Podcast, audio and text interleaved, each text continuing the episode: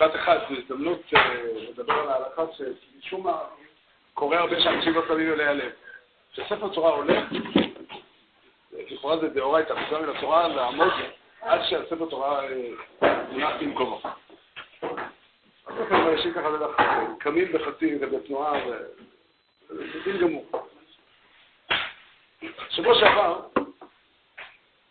פתחנו את הנושא, ואני חושב שזו באמת סוגיה מאוד גדולה, ואולי כמה, לפני שניכנס יותר לעומק, כמה משפטים על ה... על ה... עד כמה הקושייה הזאת, כמה הסוגיה הזאת היא, היא, היא, היא גם מאוד מאוד גדולה בתורה, וגם עד כמה היא תמוהה.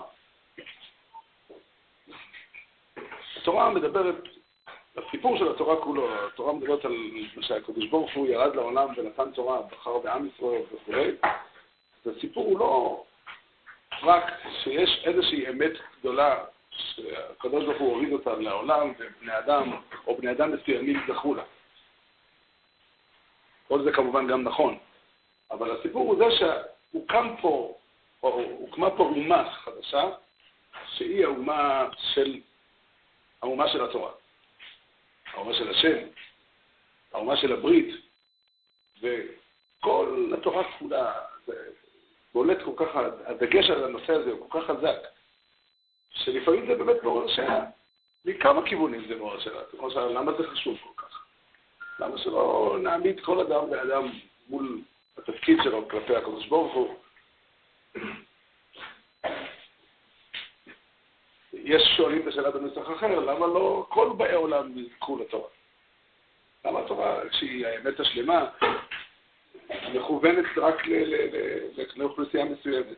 אבל אני יותר שואל, לא רק על השאלה למה לא כולם, אלא השאלה היא למה אלה שכן צריכים לעשות את זה, צריכים לקיים את התורה בצורה כזו ש, שיש פה נושא מאוד גדול שמותר עליהם, ולהעמיד אומה היודעת את השם, להעמיד עם שלם שהולך בדרך התורה. למה לא לדבר על בני אדם יחידים? שוב, מובן מאליו שגם אם היינו מדברים לבני אדם יחידים, היינו מצווים אותם גם במצוות של בן אדם לחברו, להתנהג בדרך ישרה וכולי. זה ברור, לא הכוונה שאדם יהיה מנותק מהסביבה. אבל, אבל למה יש פה נושא מאוד מרכזי שהוא משפיע על ההלכה למשל? הזכרנו את זה בקצרה השבוע שעבר, אבל זה מאוד מרכזי. הרמב"ם מפרש ומעריך מאוד בהקדמה לספר בשתי תורה. הוא מדבר על הסמכות של, של הש"ס.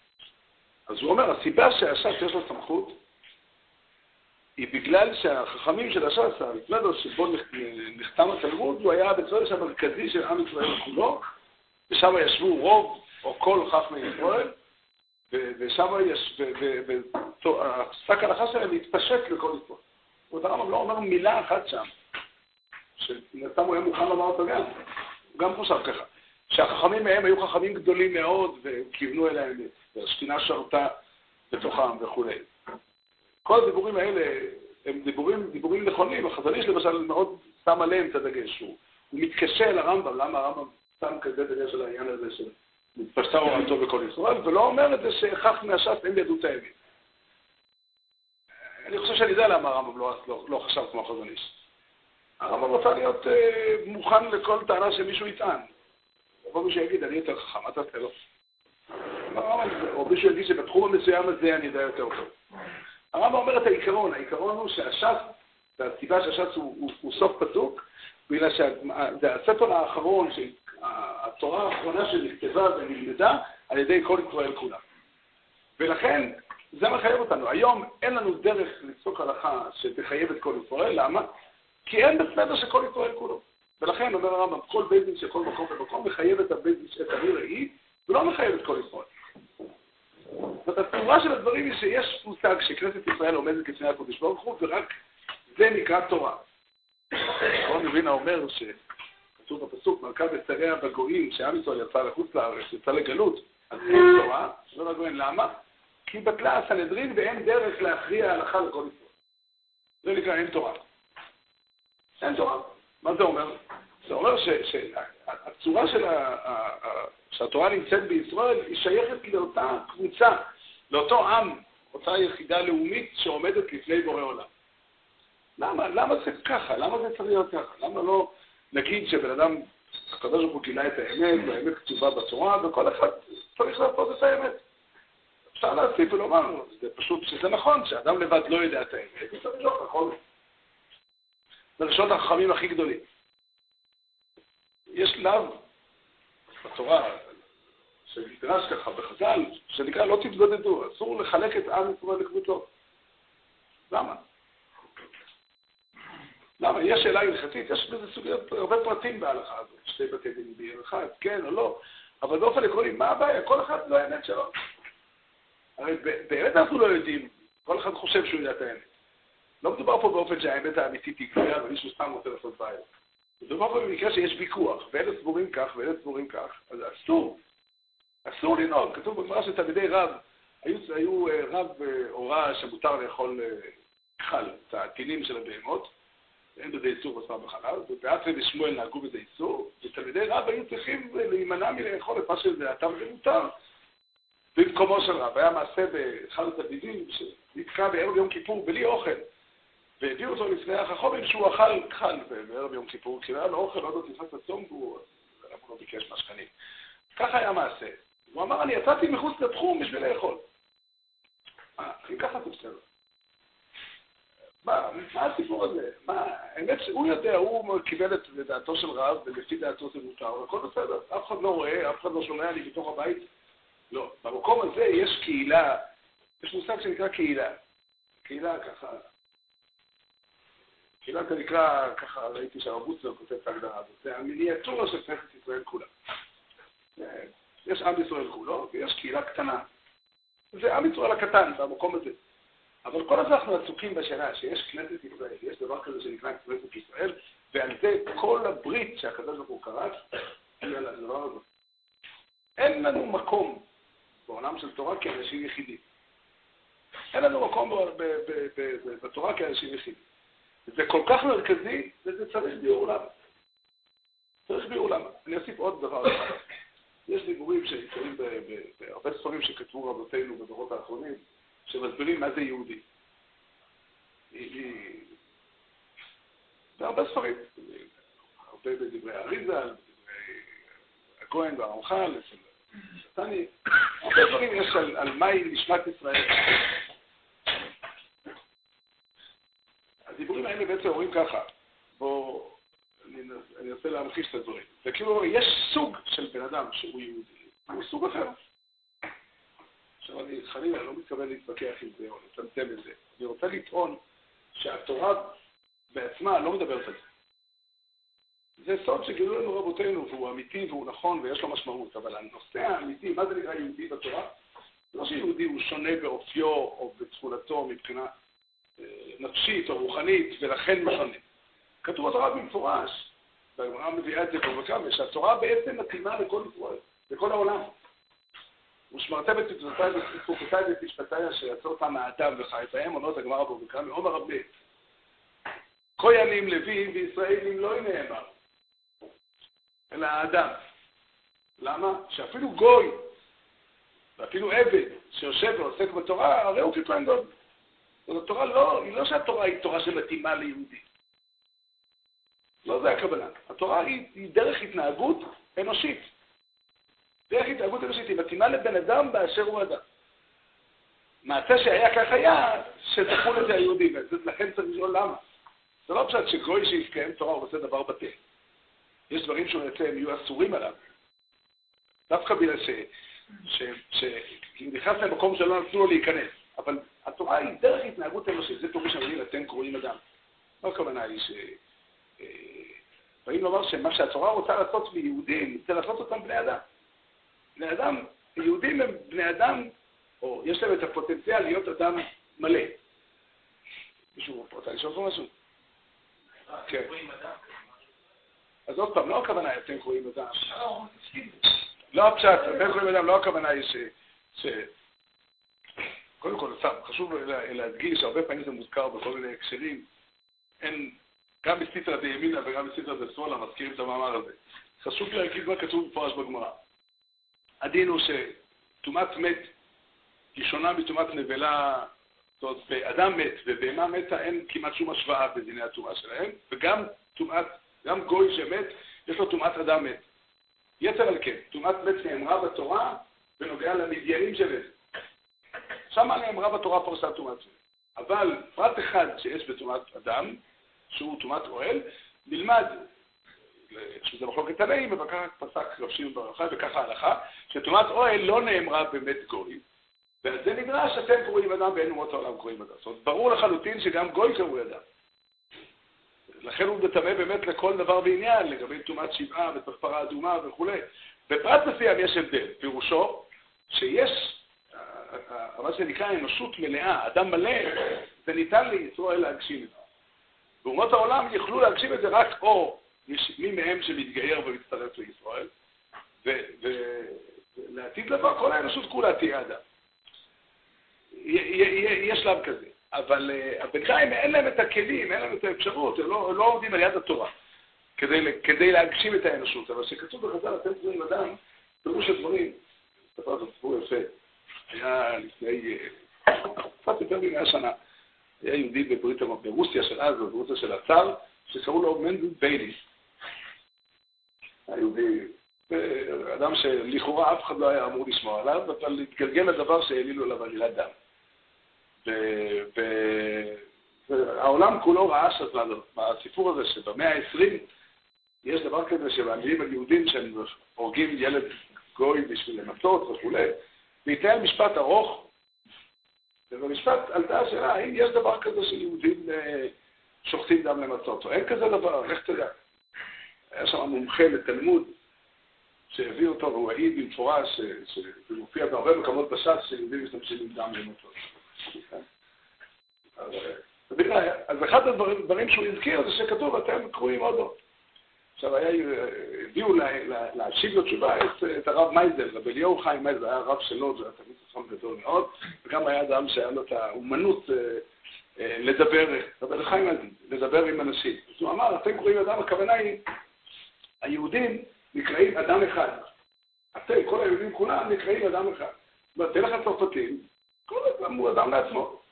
אבל היהודים, תראה, כל העולם כולו רועש בזה שהולכים להרוג יהודי אחד בייליס. מה זה אכפת ליהודים באמריקה?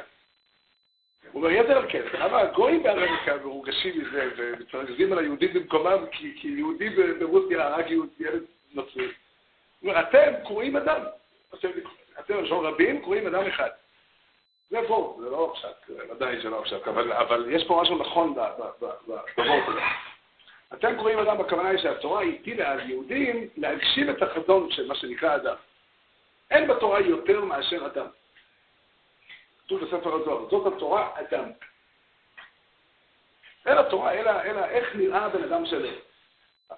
כל זה מעצים את השאלה, אז מה העניין עם ישראל לכאן? אז יש קבוצת אנשים שהיא יותר גבוהה, יותר מרוממת וכו'. התשובה לזה היא שהתורה לא מדברת פה על ליהודים כאנשים מיוחדים.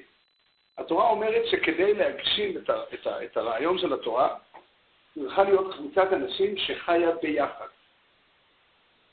רק ככה התורה יכולה להתקיים. אני אנסה לא רק אלא קצת להמחיש את הדבר הזה. ואני אספר לכם עוד סיפור. היה בארצות הברית לפני אה, קרוב ל-200 שנה, היה משפט מעניין מאוד. בכל העולם בתי ספר, כיתות בבתי ספר מסודרים, בטורים. היה מורה באיזה מושבה בארצות הברית, שסידר את התלמידים שלו הוא אסף את כל השולחנות ביחד, ועשה שולחן כזה, וכל התלמידים ישבו מסביב. ואחד ההורים זה לא מצא חן בעיניו, כי פירוש שהילדים לא מתעכבים אל הבורא כל הזמן. והוא הגיש תביעה לבית המשפט, וזה התגלגל עד בית המשפט העליון הפדרלי של ארה"ב. ובית המשפט פסק שהמורה פגם בתפיסת היסוד של בית הספר. מה הרעיון שעומד פה? יש פה דבר מאוד נכון. בית הספר בנוי על זה שהמורה יודע, והתלמידים לא יודעים. התלמידים מגיעים לבית הספר כדי לקבל מהמורה את מה שהמורה יודע. מה, מה, כל יחס בין התלמידים הוא רק מפריע. צריך לחנך אותם גם למידות טובות. בהפסקה נלמד אותם, נעשה שיעור התעמלות. אבל, אבל הצורה של בית הספר היא שיש מורה שיודע, ואת האמת שהמורה מביא, את הידע שהמורה מביא לכיתה, התלמידים צריכים לקבל ממנו. ולכן, היה הכי טוב היה אם היה מורה ותלמיד, בכל כיתה רק מורה אחד ותלמיד אחד. אבל אין כל כך הרבה מורים, ואין כל כך הרבה תקציב, ואין כל כך הרבה חדרים, אז שמים כמה התלמידים ביחד. אבל הצורה האמיתית של הכיתה היא בנייה שכולם מסתכלים על המורה, שאין שום דיבור, אין שום יחס, אין שום יחס בין התלמידים. זו צורה אחת, זו תפיסה אחת, ואני מעתיק, משתמש, חז"ל אומרים שהסנדרין יושבים כחצי גורן הגבולה. ומתכוון להיות הפוך. מתכוון להיות הפוך. הצורה שיושבים בסנדרין זה לא, זה כל אחד מהחכמים רואה את כל הסנדרין כולם. סנדרין זה לא בית ספר. זה לא...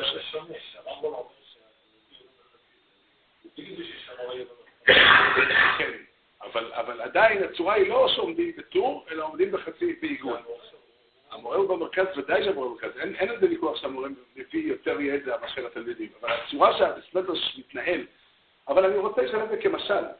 באותו אופן יש צורה שאפשר להעמיד את עבודת השם, שבן אדם עומד מול הקודש ברוך הוא. זה לא נכון. הצורה שהתורה ניתנה, וזה מאוד מאוד יסודי, יש פה משפחה. יש פה משפחה. בתוך המשפחה הזו, למי, איפה היהדות מתחילה? לא אצל משה רבינו, אצל אברהם אבינו.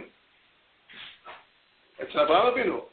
משה רבינו הוריד לנו את התורה, ואין, בלי ספק, משה רבינו, שהרמב"ם קורא לו נבחר המין האנושי. אבל היהדות לא שייכת למשה רבינו.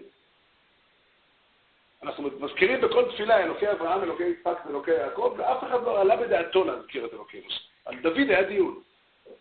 אבל, אבל על אלוקי משה לא היה אפילו צד להזכיר. משה רבינו האדם שעלה לשמיים והוריד לנו את התורה, את האמת האלוקית הגדולה. אבל הנושא שעליו אנחנו מדברים הוא לא אותה אמת. הברית שנכרתה היא הברית שאנחנו כולנו נמצאים ביחד, כולנו עומדים זה מול זה. אני משתמש בשפה הציורית, זה מה שנקרא משפחה. משפחה זה אומר מציאות כזו שבה כל אחד, הערך שלו והחשיבות שלו היא, היא, היא, היא מפני עצמו, לא רק... אין, עצה אלא להשתמש בבשלים. שכאשר יושבים קבוצה של בחורים, של אנשים במקום, וקם אחד, נגיד שיש שכונה כזאת שיושבים באנשים, וקם אחד מהאנשים ואומר, אני צריך לעבור דירה לארץ אחרת. אם הוא אדם מאוד אה, אהוב ויקר, סביר להניח שכולם יגידו לו, למה? בוא, בוא תשב. אבל אחרי שהוא החליט, נעשה מסיבת פרידה. מה אפשר לעשות? הוא רוצה ללכת. אבל בוא נדמיין לעצמנו שאדם יבוא הביתה ויגיד לאשתו, תשמעי, החלטתי לנסוע לשנה לחוץ לארץ. החלטתי לעבור דירה. בסדר? יש מצב שבו בני זוג אה, חלילה מתגרשים, אבל אנחנו מבינים שעצם העובדה שאנחנו משפחה אחת פוסלת את האפשרות שאני אעבור למקום אחר. אין אפשרות כזאת. אנחנו ביחד. אני לא יכול ללכת למקום אחר. או ילד לא יכול לבוא הביתה ולהגיד להורים שלו, החלטתי לנסוע הביתה, לנסוע לסוכות לחבר שלו. התורה אומרת, על כן יעזוב איש את אביו ואת אמו ודבק באשתו. פירושו, יש מצב שאדם בסלאם בבירס, ואחר כך משם הוא עובר למשפחה חדשה. אנחנו היום קצת חיים אחרת, יש בין גברי לגברי, הכנסנו שם כמה גברי, כמה, כמה, כמה שעות אפילו. אבל, אבל הצורה העקרונית שבן אדם הוא חלק ממשפחה. עכשיו, השכינה שורה על המשפחה הזו. המשפחה הזו היא, בקטן, זה כל משפחה ומשפחה, ולכן התורה ככה אומרת, אנחנו יודעים את הדרשות של חז"ל, אבל התורה אומרת, ושיננתם לבניך, והודעתם לבניך ולבני בניך היום אשר עמדת לפני השם אלוקיך בחורב, והגעת לבנך ביום ההוא. אין לך למה, יש אופן מסוים שגם התלמיד נקרא בן, שהתלמידים גם נקראים בנים, אבל זה, זה, זה ריבוי, זה עוד דבר. הצורה המקורית של התורה, שהתורה ניתנת, זה באותו מקום שבו כולנו יושבים ביחד, וכולנו כל אחד ואחד מאיתנו מחויב בברית הזו, לביחד הזה, ושם השכינה שורה. שם השכינה שורה. התורה לא מדברת, אני אחזור עוד פעם, התורה לא מספרת רק את האמת האלוקית הגדולה. לא זו המטרה היחידה של התורה. התורה יוצרת, התורה יצרה מציאות של, של כריתת ברית, שהקדוש ברוך הוא ירד לעולם וכרת ברית והברית הזו היא יוצרת את המציאות של עם ישראל. אני רוצה לצטט כאן דברים שכתובים מצד אחד ברמב"ם, מצד שני בשולחן ערוך. הרמב"ם כתוב ככה, הרמב"ם מדבר בפרק י"ב מהלכות איסורי ביאה. הרמב"ם מדבר על גרות. אז הרמב"ם מתחיל, בשלושה דברים נכנסו ישראל לברית. במעמד הר סיני היה כריתת ברית בין הקודש ברוך הוא לעם ישראל. והרמב"ם אומר, שם הייתה, ואיך הברית הייתה? אז היה שם מילה בטבילה וקורבן. וכן לדורות, כשירצה הגוי להיכנס לברית, הוא פה הרב עוסק בהלכות גרות. איך קורה דבר כזה שגוי נהיה יהודי? איך זה קורה? מה, מה קורה פה? אז אומר הרמב"ם ככה, כאשר הגוי רוצה להיכנס לברית, הוא יכול גם... הברית היא לא רק אה, נחרטה, אז אפשר היום גם לעשות את אותו הר סיני, לעשות עוד פעם. אין שום בעיות. כל אחד יכול, כל מי שרוצה להיכנס לברית יכול. והוא צריך מילה בתפילה וקורבן. אחר כך הוא אומר שקורבן לא מעכב, בזמן שזה מילה שקיים וכו'. כתוב ברמב"ם, מה זה נקרא להתגייר? אחד ה... חלק מהפולמוסים שממלאים את, ה... את, ה... את הציבור בשנים האחרונות, זה עיסוק בגרות. הרמב"ם לא מזכיר, ככה טוענים שטוענים, הרמב"ם לא מזכיר את קבלת מצוות בין התנאים של גרות. כי הרמב"ם אומר שהגרות היא בעצם כריתת ברית עם השם. הקבלת מצוות היא לא מתנאי הגרות, אלא היא עצם הגרות בעצמה. וכן לדורות, כשירצה הגוי להיכנס לברית ויקבל עליו עול תורה ומצוות, צריך מילה וטבילה. אמת. קבלת מצוות היא לא, היא לא אחד מהתנאים של מילה לפי הרמב"ם. זה לא תנאי, כאילו, כמו שאדם לא יכול להתגייר אם הוא לא מעל, אלא עצם הגירות זה כשבן אדם מגיע ואומר, אני רוצה להתחבר להשם. השולחן ערוך בדרך כלל, בדרך כלל מעתיק את הרמב"ם. רוב הלשונות של השולחן ערוך הם לקוחים מהרמב"ם, חוץ במקומות שיש מחלוקות ראשונים, והוא רצה להכריע אחרת. אני לא יודע אם יש דבר כזה, זה ודאי דבר נדיר שהשולחן ערוך משנה את לשון הרמב"ם, לא בשביל נפקני ילדים, אלא כדי להבהיר רעיון. הרמב"ם, השולחן ערוך מתחיל לדבר על יחס גרמוס, הוא אומר, גול שבא להיכנס לקהל ישראל צריך מילה ותפילה בקבלת מצוות.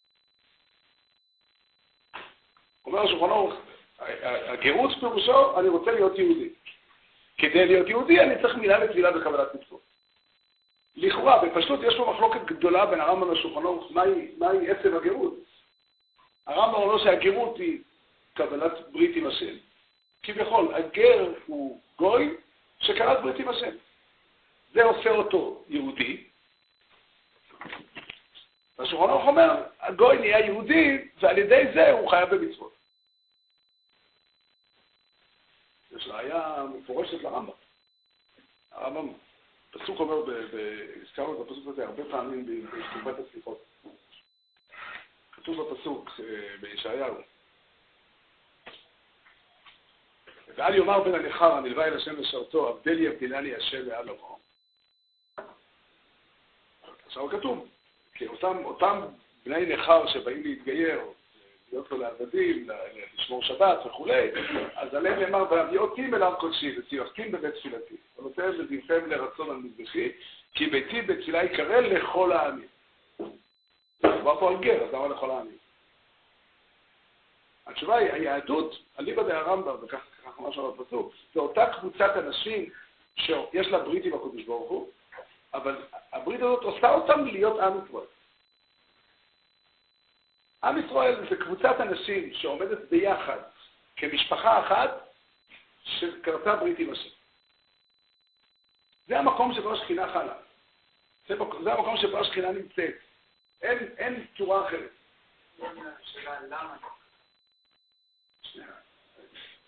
אני חושב, אתה שואל נכון, אני יוצא, תודה רבה.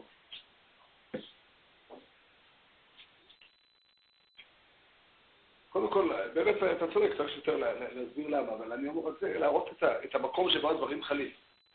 המקום שבו הדברים חלים. לא מדובר כאן, לא מדובר כאן על זה שיש סוג אנשים אחר. יש יהודים ויש גויים. כל גוי יכול להיות יהודי. כי ביתי בתפילה יקרא לכל העמים. כל גוי יכול לבוא. אם הוא רוצה לבוא ליום אחד להתפלל, בבקשה, הוא יכול לבוא. כתוב גם בתפילת שלמה שגם הגויים יכולים לבוא לבית המקדש להתפלל. אבל, אבל אם הוא רוצה לבוא לגמרי, אז הוא נהיה יהודי. זה פירוש המושג להיות יהודי. להיות יהודי זה אותה קבוצת אנשים שעמדה, שרוצה להצטרף לקהילה הזו, להצטרף למשפחה הזו של עובדי השם, ולהיות משפחה אחת איתה. זה, זה, זה יהדות. זה פירוש המושג להיות יהדות. המחויבות שזה יוצר, המחויבות שזה יוצר לכל אחד ואחד, זה אומר לא רק שאני חייב לעבוד את הקדוש ברוך הוא, אלא אני חייב להעמיד לקדוש ברוך הוא את עם ישראל. ושוב, זה גם סוגיה הלכתית. ככה ראשונים פירשו, כתוב בתורה במסכת רסונת, שאדם שתקע בשופר כבר וקיים מצוות תקיעת שופר, יכול להוציא את השני עוד פעם, לתקוע בשופר פעם שנייה כדי להוציא את מישהו אחר.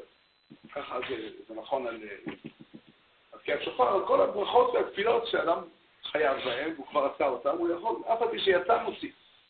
למה? כתוב בראשונית הפעם, משום ערבות. פירוש הדברים שאני מחויב לזה שאתה תקיים את המצווה הזאת. למה, צריך את זה? בגמרא ב... לא יודע, הגמרא במסכת סוטן, עשה את זה גם בשבועס, הגמרא עושה את זה בצורה מאוד חריפה. הגמרא אומרת שכל אחד ואחד בעם ישראל, בערבות מואב, הצביעו אותו על כל מצווה במצוות התורה, כפול מספר הנשמות, מספר היהודים שיש, ככה פעמים השביעו אותו. כאילו השביעו אותי שביעה מיוחדת, שאני אשמור שבת, ושאתה תשמור שבת, ושאתה תשמור שבת, ושהוא ישמור שבת. ככל שיש יהודים בעולם, ככה פעמים השביעו אותי של שמירת שבת. ואני אחראי לזה שאתה תשמור שבת גם כן. למה, למה? למה, למה צריך את זה? למה צריך את זה? למה, למה זה ככה? מספרים הם אינסופיים, כי אתה יכול... השביעו אותי גם שאתה תשמור את השבועה שלך, שאני אשמור שבת. גם זה שבועה. אין גבול לאחריות. שמעתי מי ששמע את זה מרב חיים גרנימן. אמר, אין דבר, אין בעיה שמטרידה ליהודי כלשהי בעולם שהיא לא שייכת אליי.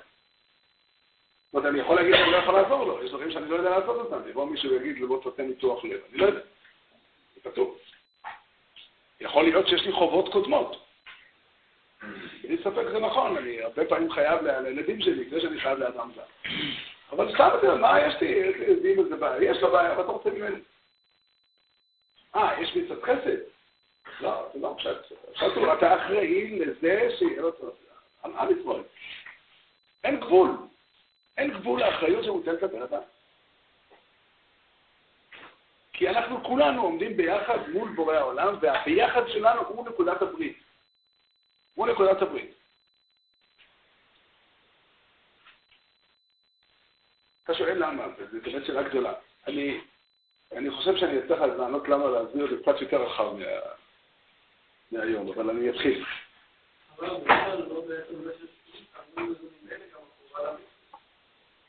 איזה ברית שיש משפחה, סתם משפחה גדולה, יכול להיות גם באומות העולם, כל הכוח זה שאנחנו משפחה שאנחנו... כן, אבל למה כדי שתהיה תורה ומצוות צריך משפחה? למה לא נגיד פשוט, אני, אני, אני, הקדוש ברוך הוא ברא אותי, שימו לב גם לשפה. אנחנו רגילים לדבר ככה מאוד, זה גם נכון, אנחנו רגילים להגיד, למה, מה יש לי בקדוש ברוך הוא? הקדוש ברוך הוא ברא אותי. התורה לא מדברת ככה. התורה מדברת על זה שהקדוש ברוך הוא בחר באברום אבינו, והוציא אותנו ממצרים וכולי. הכל מתחיל שם, הכל מתחיל בסיפור הגדול ההוא. למה? מה, מה, מה, מה חסר בזה? לכאורה כל אחד מאיתנו הרבה יותר מתרגש מהעובדה שהקדוש ברוך הוא ברא אותנו ומקיים אותי בכל רגע ורגע ונותן לי חיים והתורה שלו תצווה אותי תורת אמת וכולי. אנחנו מלאים, מלאים התרגשות מהדברים האלה. למה צריך את יציאת מצרים? זו שאלה שהראשונים שאלו אותה, כל, כל אחד ענה בשפה שלו. אבל עומק הדבר הוא שבכנסת מצרים נוצרה כנסת ישראל. וזו היהדות בעצמה. אין יהדות אחרת, אין, אין, אין דבר אחר. אני אנסה קצת לענות למה. הדברים שאני אומר עד עכשיו היו דברים שלדעתי הם מוכרחים. מוכרחים, אני גם אומר, אין, אין, אין להציג בהם ספק. אולי הניגון שלי הוא קצת חריף, אבל אה, דברים שהם יסודות פשוטים ביהדות. מה שאני אומר עכשיו, זה דברים פחות מבוססים, אבל אני חושב שהם נכונים גם.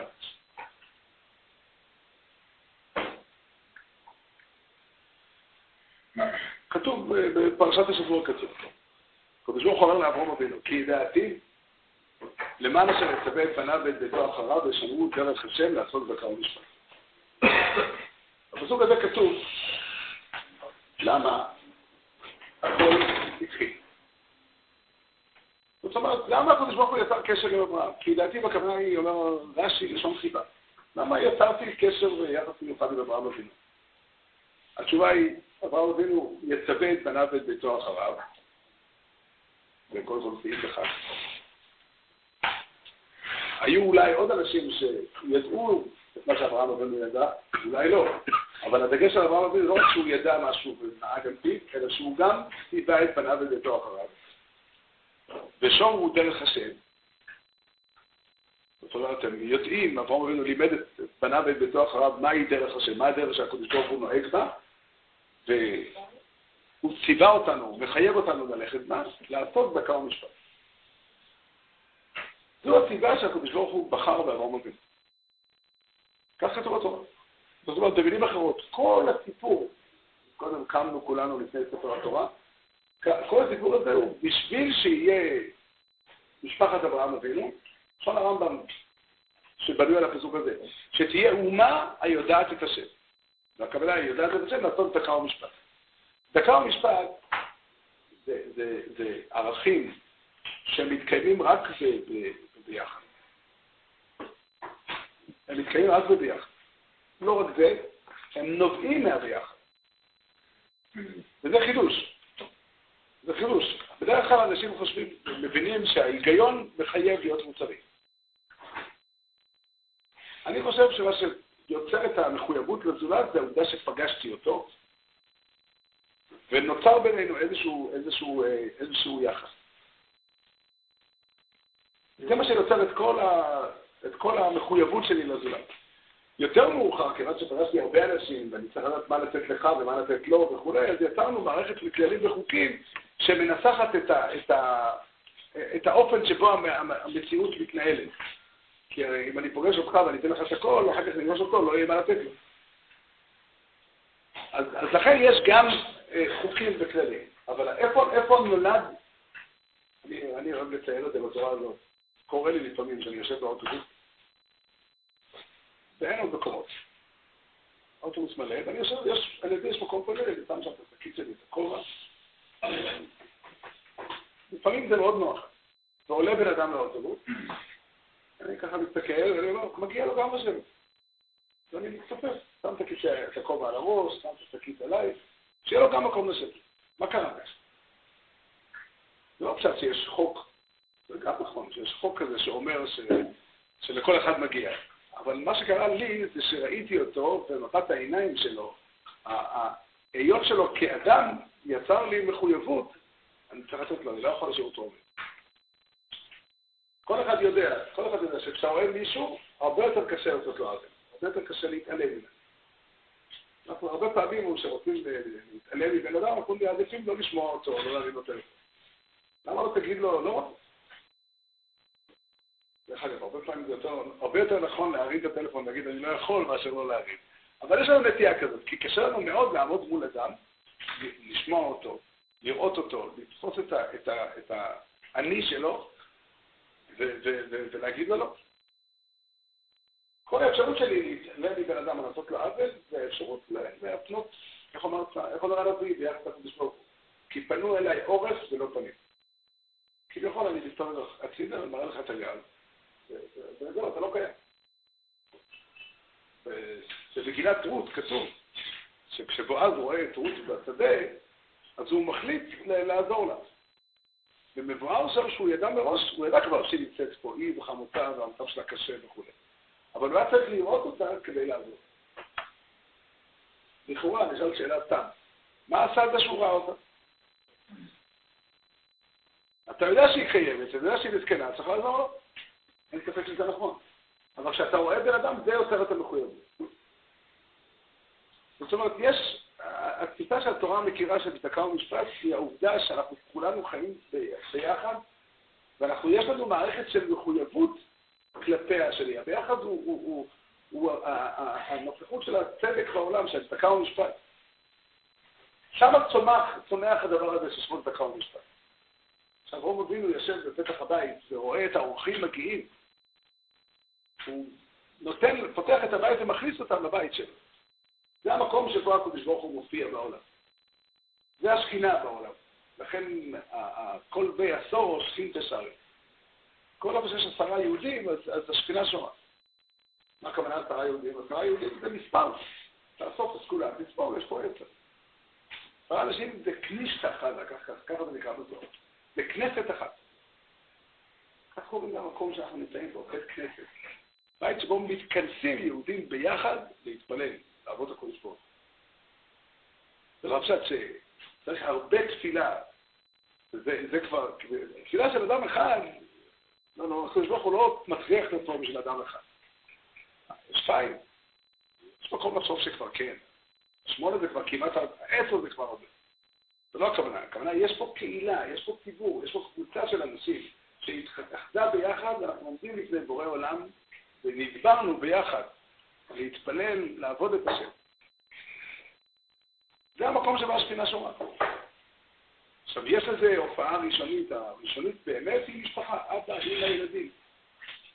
זה המקום הגרעיני הראשון ששם הקדוש ברוך הוא מופיע. חז"ל בחרו.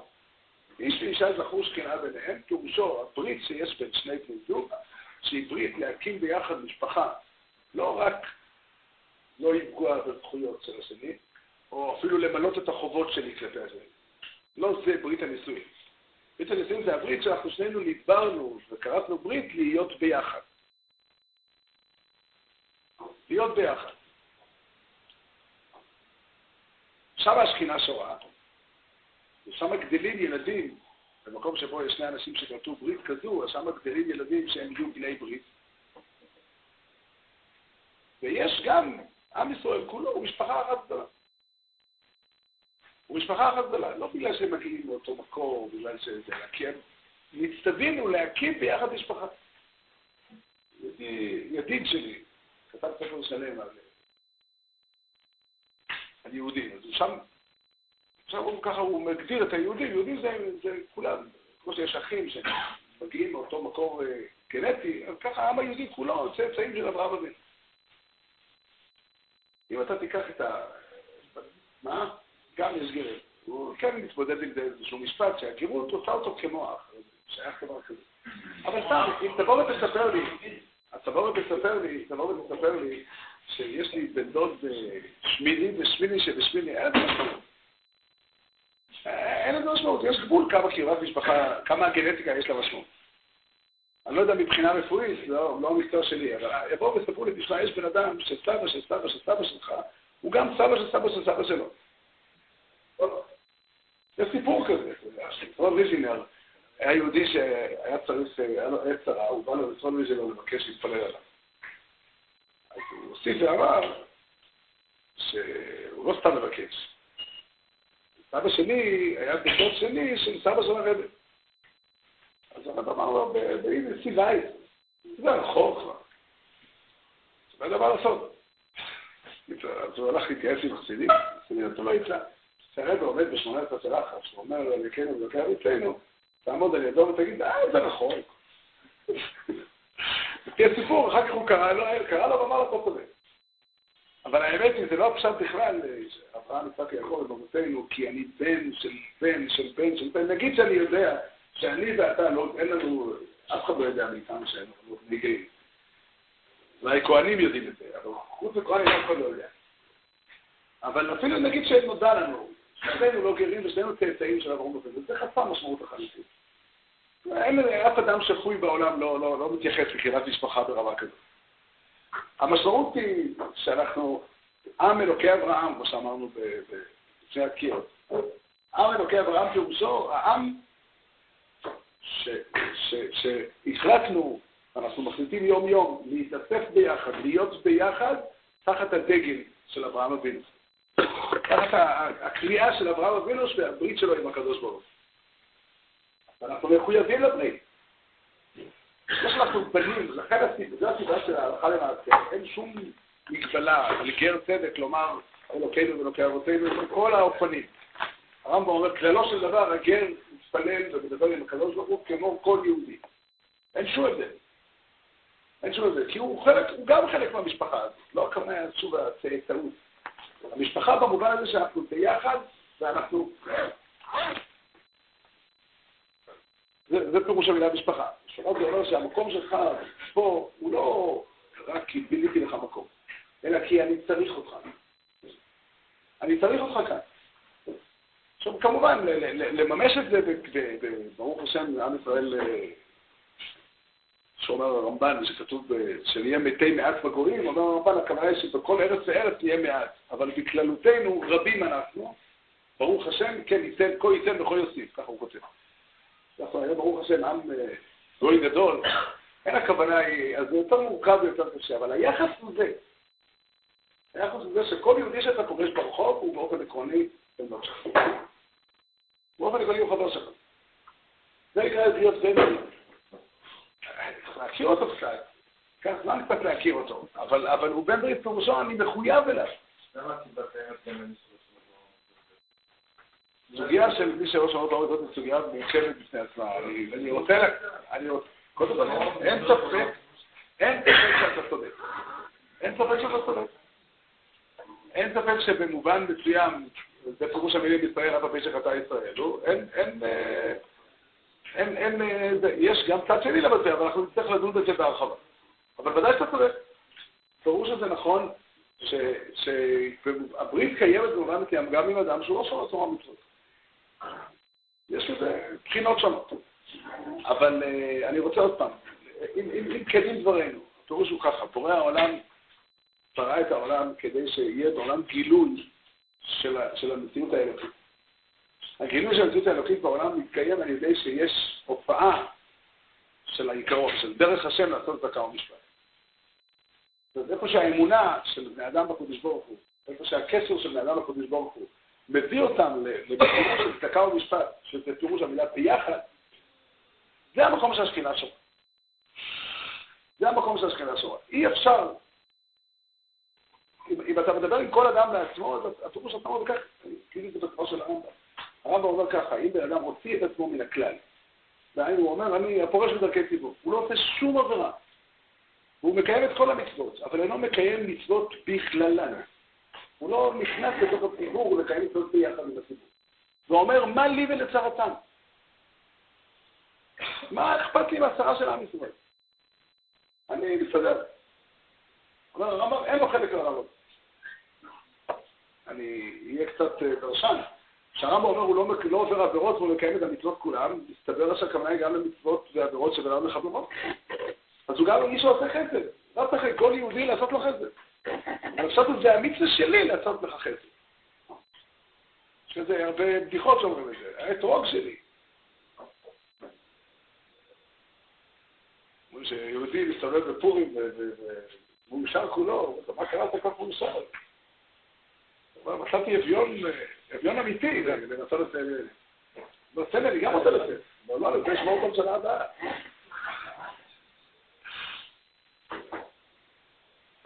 אבל זה אומר הרמב"ם, אדם אומר, אני מקיים את המצוות כי זה המצווה שהתורה ציוותה אותי.